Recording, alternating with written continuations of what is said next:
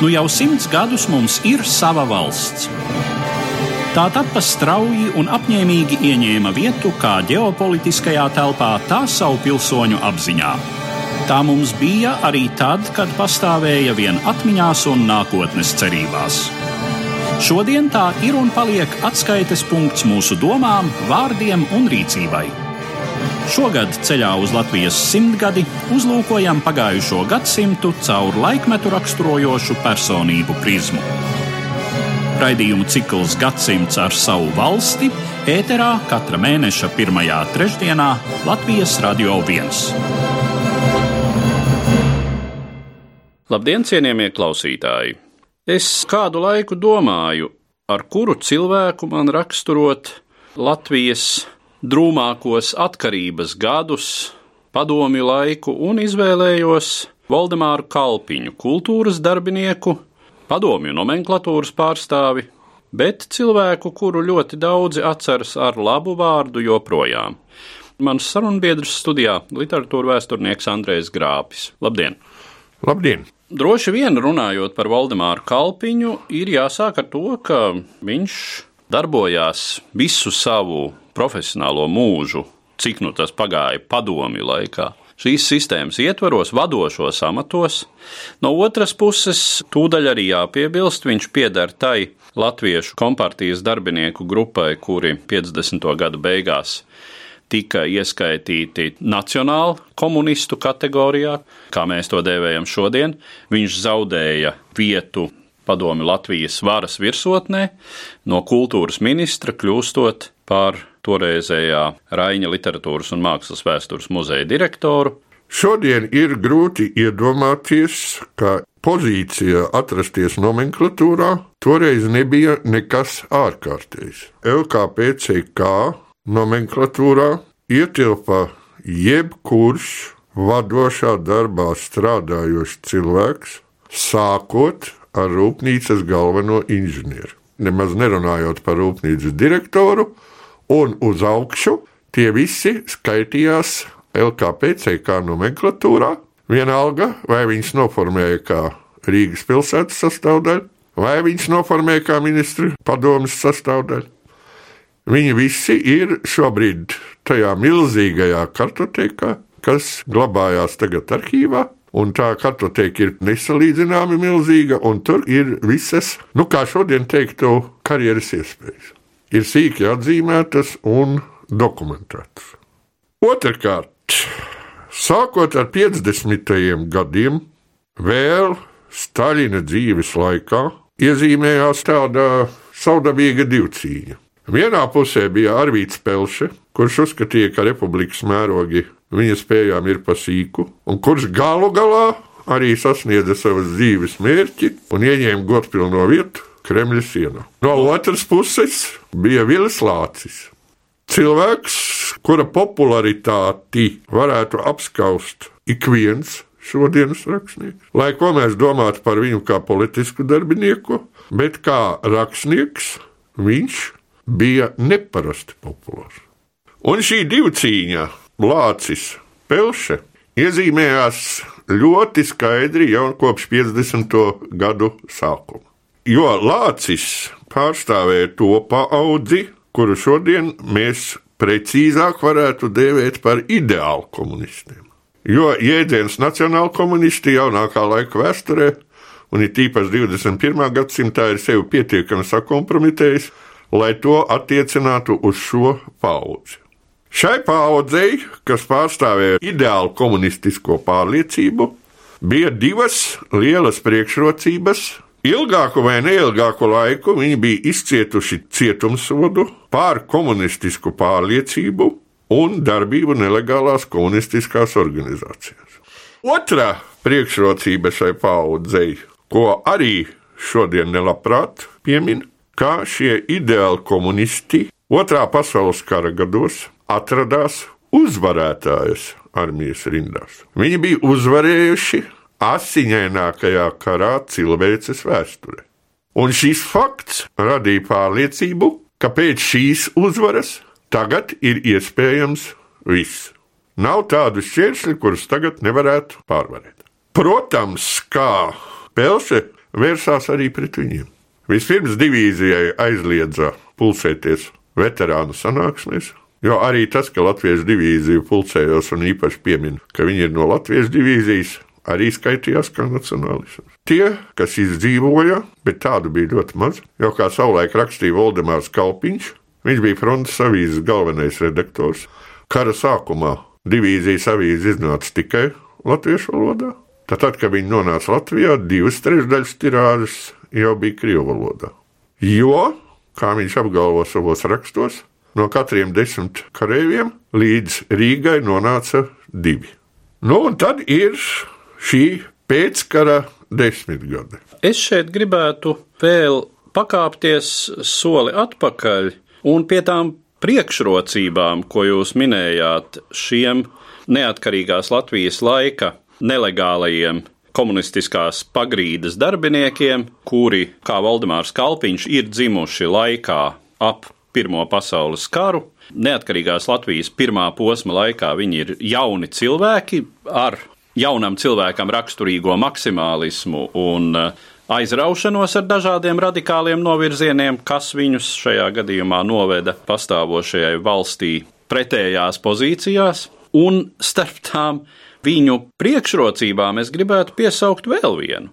To, ka viņi mācījās neatkarīgās Latvijas skolās un augstskolās, viņi pieredzēja šo laiku.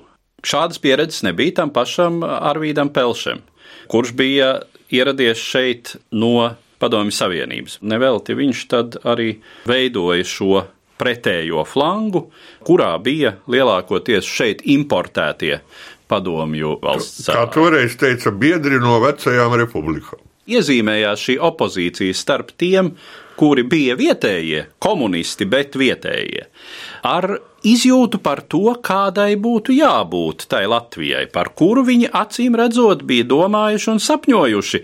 Jāsaka, jā, nu sēdēdami Ulmaņa un reizumis jau pat demokrātiskās Latvijas cietumos.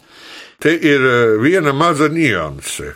Nelegālā Latvijas komunistiskā partija bija trešās internacionālas sastāvdaļa.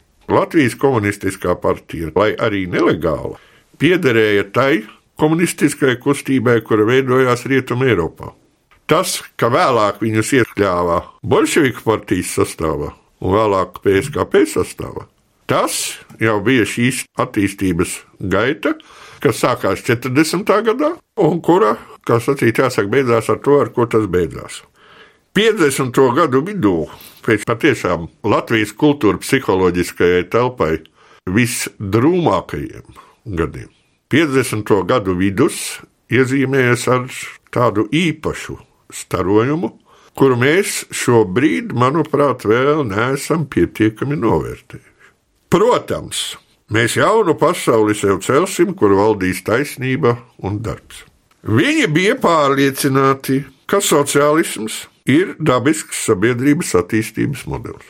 Kā sociālisma priekšrocības parāda realitāte, jo Latvijā attīstījās rūpniecība, viņi bija par to, migrācija sākās nākamajā desmitgadē, ne pēckara pirmajā desmitgadē. Viņi bija saskatījuši, kā komunistiskā iekārta ir šis ideāls. Vienīgais, kas viņiem nebija pieņemams, Tā bija jebkura vardarbība, gan pret personu atsevišķi, gan pret personu grupām, nemaz nerunājot par represētām tautām. Un tieši šī punkta dēļ Kalpiņš izteica savai pauzei, manuprāt, visdrausmīgāko spriedumu, ka Stalins bija tas, kas sagrāva starptautisko komunistisko kustību. Un tieši šī iemesla dēļ viņiem nebija pa ceļam ar to virzienu, ko pārstāvēja Pelšs. Par ko tad viņi iestājās? Galvenais jautājums ir racionāla ekonomika, kura darbojas republikas interesēs. Mums nevajag neko no centra, mēs visu varam sasniegt paši. Vēlāk izrādījās, ka tas bija ideālisms. Nacionālās kultūras vispusīga attīstība internacionālā kontekstā, manuprāt, nav zudusi arī šodien, jo mūsu braucienu uz pasaules grāmatu izstādēm un vēl dažā labā vietā. Šodien ir pavērsusi to iespēju uz otru pusi. Un treškārt, par ko viņi iestājās, par vispārējās izglītības kvalitātes paaugstināšana. Ja 40. gada beigās pamatskola bija sešklasīga, tad jau 50. gada beigās pamatskola kļuva astoņas klases. Nu, kā jūs pareizi teicāt, viņi nāca no tās Latvijas, kurā bija cits kultūras līmenis. Un e, te vispirms jau, ko izjūta ļaudis vistiešāk, tas ir šis sadzīves kultūras līmenis. Jau tad Rīgu uztvēra kā kaut ko neparasti rietumniecisku vispārējā padomju sadzīves kultūras kontekstā. Un arī tas bija tāds raksturojošs lielums, kurš radīja zināmu pašapziņu. Un runājot par kultūru, tieši kalpiņa laiks panāca ārkārtīgi daudz. Šodien mums liekas ļoti daudz, kas pats par sevi saprotams. Mēs nespējam iedomāties laiku, kad Blaumaļa lugu iestudējumi uz Latvijas teātras skatuvēm raisīja asus ideoloģisks iebildums.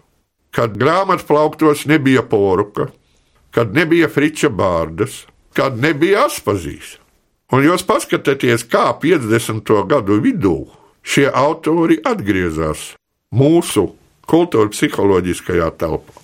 Kaut vai šīs nelielās izlasītes, kuras šobrīd var uztvert kā tā laika suvenīrus, kaut vai tās, bet ar kādu nozīmi, ar kādu popularitāti. Ka tā pati bārdas mazā izlasīte raisīja tādu vilni, mēs mazliet, kad padomu izdevniecība veica reliģijas propagandu jo tur pārāk bieži pieminēts Dievs.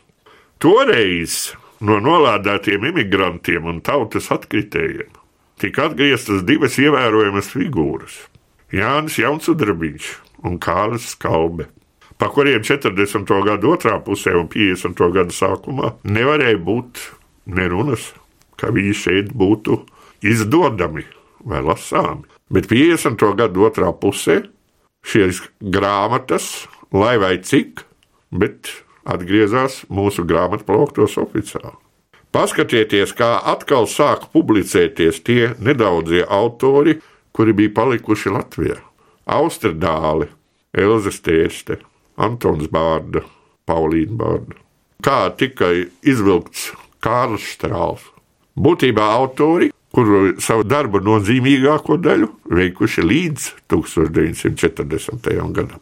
Kā tika cilāts jautājums par virzu un Andriju Niedru? Arī tie ir šīs ideāla komunistu laiks. Viņi jutās tik stipri, ka atšķirībā no Pelses nometnes, viņi nebaidījās, teiksim, atgriezt straumēnus, jo pati dzīve pierāda, kurā pusē ir svarakaus. Un ne jau tikai attiecībā uz latviešu klasiku. Toreiz plašajā Krievijā izraisīja plašu rezonanci, ka Rīgas operas teātris iestudēja Rihardu Vāgneru, Hitlera mīļāko komponistu. Kad pēkšņi parādās nezinu no kurienes Baha Mateja pasija, kas visiem ideologiem bija reliģiskās propagandas darbs. Kādu pārsteigumu 50. gadu nogales kultūras dekādē Maskavā izraisīja Rimska Korsakova operas teiksme par kitežu iestudējums. Un arī tas nāca no Rīgas. Un par saturu runājot, tie ir šie sasnieguma gadi, kad lai nu kur, bet kultūrā mēs patiešām varējām lepoties ar sasniegumiem toreiz visas Padomu Savienības mērogā. Protams, uz rietumiem neviens netika, tur nekādas salīdzināšanas iespējas nebija. Viesizrādes nebija augstākais sociālisms valsts, bet tā ir šī viena līnija, kura tīri reāli ietekmēja katru, kas tajā laikā dzīvoja, cilvēki sajūta pārmaiņas, ka no šiem buržuāziskiem rakstniekiem nu, varbūt viņi nemaz tik nevērtīgi nav. Kā to runāja 40. gadu beigās, un kā tas bija rakstīts tajos ideoloģiskajos dokumentos. 50. gadu vidus ar tā dēvēto Hruščova atpūsni, tas ir laiks, kad uh, Arī Valdemāra Kalpiņa karjera piedzīvo to augstāko punktu, viņš kļūst par Latvijas PSR kultūras ministru. Protams, restaurēt tā laika izjūtu šodien ir grūti, bet katrā ziņā tai ļaužu grupai, par kuru mēs šeit runājam, kuru pārstāv Valdemārs Kalpiņš, tā izjūta bija, ka nu beidzot Bolševisms kļūst tāds, kādam tam ir jābūt. Staļins ir miris, Staļins ir atmaskots kompartijas 20. kongresā, Hruščovs ir pateicis varbūt ne visu, bet daudz ko par viņa nodarījumiem, un tagad mēs veidosim to pareizo sabiedrību. Kā tā sacīt, vilks ir metis drīzāk spalvu nekā tikumu, kā padomju totalitārisms savos pamatos jau nemainās kļūst mazāk represīvs, bet joprojām represīvs. Daudz atvērtāks pārējai pasaulē, bet joprojām ļoti slēgta sabiedrība. Tas ilūzijas sabrukums notiek pakāpeniski, bet no nu, Latvijas gadījumā tas piedzīvo pateicoties šī pelšas flanga pastāvēšanai šeit, piedzīvo šo politisko figūru maiņu, Mēs nevaram īsti novilkt ne šīs grupas robežas, jo ir tās situācijas, kad nav īsti skaidrs, vai tie ir varas cīņas motīvi, vai varbūt kādi citi, kāpēc cilvēks maina savu nodarbošanos, pakāpdamies uz leju partijas hierarhijā. Bet nu, ir nepārprotami gadījumi, kad šie nomenklatūras darbinieki tiek no Latvijas aizsūtīti vispār projām. Ir pāris gadījumi, kad ir aizdomas par organizētām slepkavībām, Valdemāra Kalpiņu šī situācija skar, nu, teiksim, tā salīdzinoši samtaini. No kultūras ministra pār muzeju, tātad Raņa literatūras un mākslas vēstures muzeja. Pirms, pirms sākt runāt par muzeju, es gribētu pieminēt vēl dažus šī kultūras ministra veikumus ar ārkārtīgi tālījošām sekām. Atcerēsimies vienu vienīgu faktu, ka kultūras ministrija kā tāda padomju sistēmā tika dibināta 53. gada aprīlī. Tas ir jau pēc Staļina nāves. Nu, mēnesis pēc. Līdz tam bija kultūras un mākslas lietu pārvalde pie ministra padomus. Ja pacelā šo ministra padomus protokolu par kultūras ministrijas dibināšanu, tad, manuprāt, tur katram kļūst skaidrs padomi Latvijas valdības operetiskais raksturs. Tā nebija valdība tajā izpratnē, kā mēs to esam piedzīvojuši pēdējos 20 gadus, kur patiešām lemj par tādām lietām, kas ietekmē visu. Lāča valdība lēma par to, vai LPSR iekšlietu ministrijai vajadzīgi divi kultūras nami vai viens. To viņiem atļāva.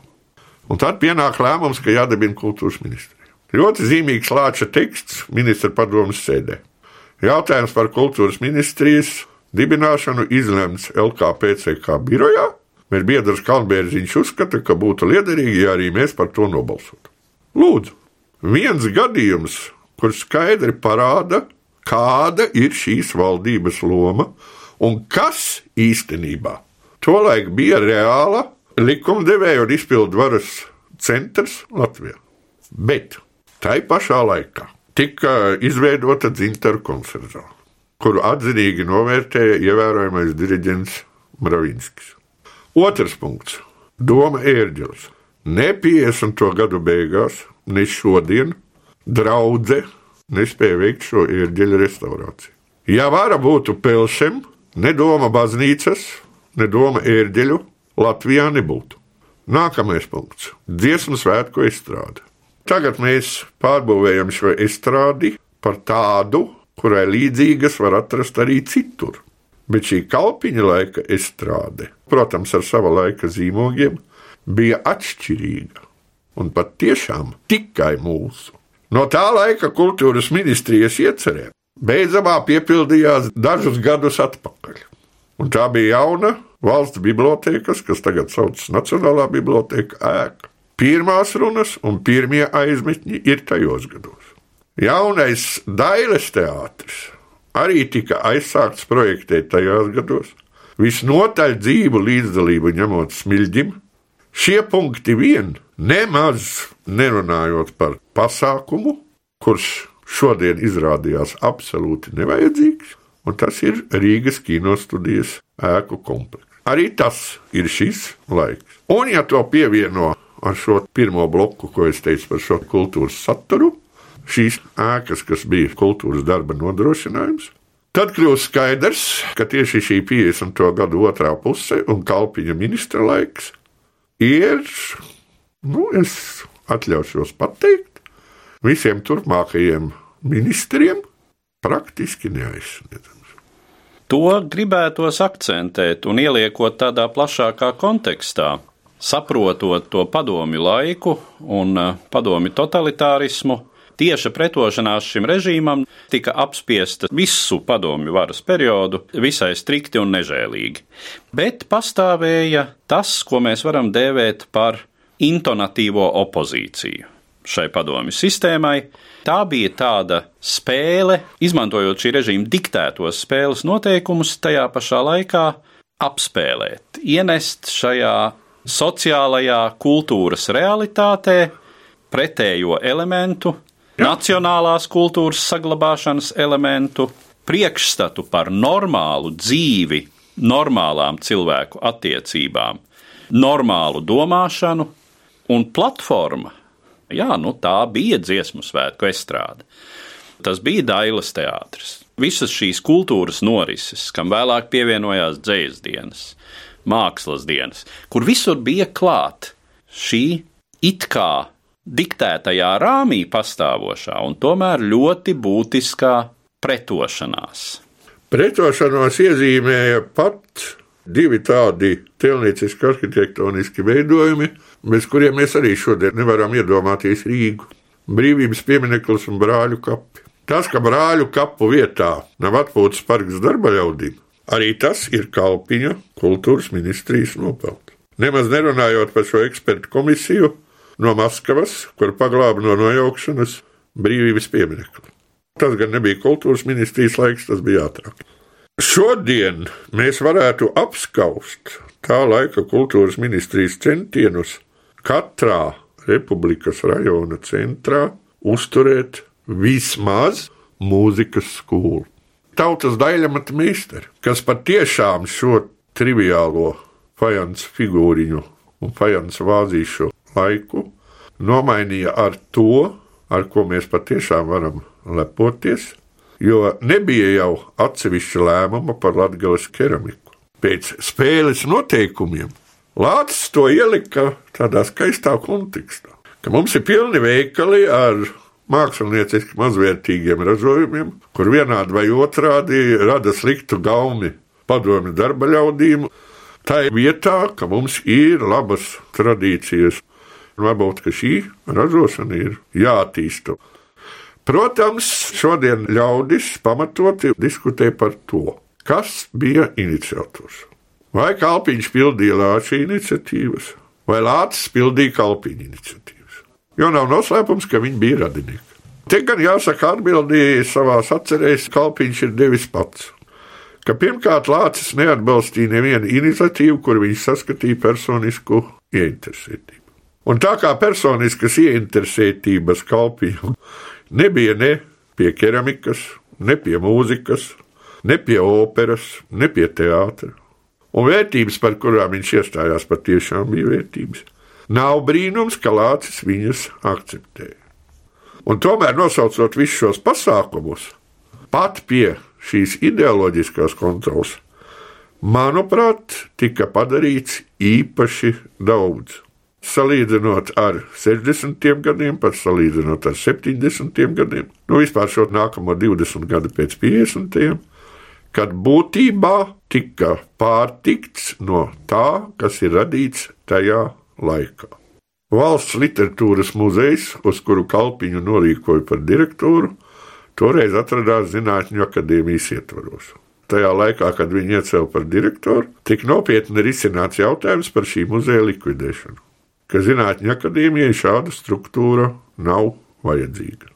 Nu, un tur gods un slavā tā laika ministram Vladimiram Kaupuzam, kurš nodibināja atsevišķu vienību kultūras ministrijas sastāvā, un tā tappa Raņa literatūras un mākslas vēstures muzejs.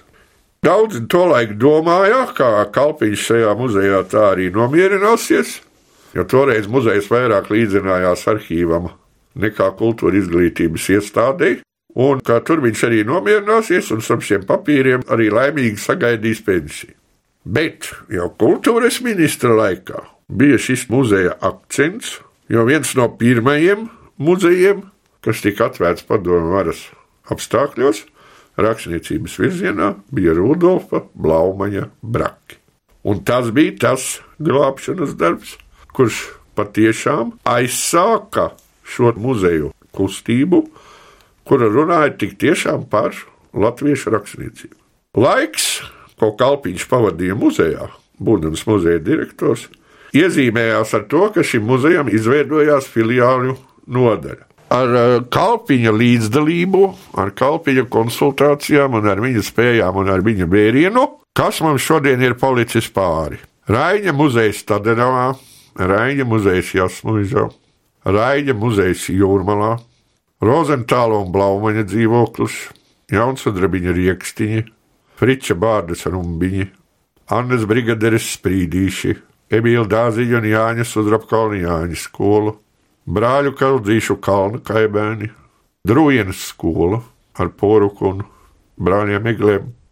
Viņa iecerētais un viņa vadībā izveidotais teātris muzejs. Un varbūt viņa gulbja dziesma, kuru diemžēl līdz šodienai nav saglabājusies, tas ir viņa Lāča muzejs Mešparkā, viņa pēdējā darba vieta. Kultūras ainava būtu ievērojami nabadzīgāka, ja mums nebūtu šī rakstniecības muzeju tīkla.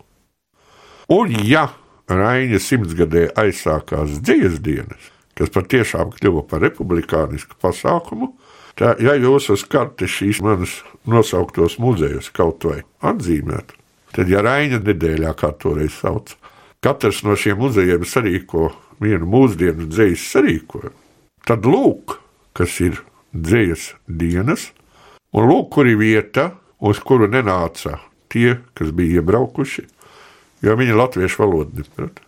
Un lūk, kur ir šī tuvināšanās ar dzēju, ar dzinieka personību. Šādi, protams, ar visiem tā laika akcentiem, tika saglabāts dzīvais kontakts.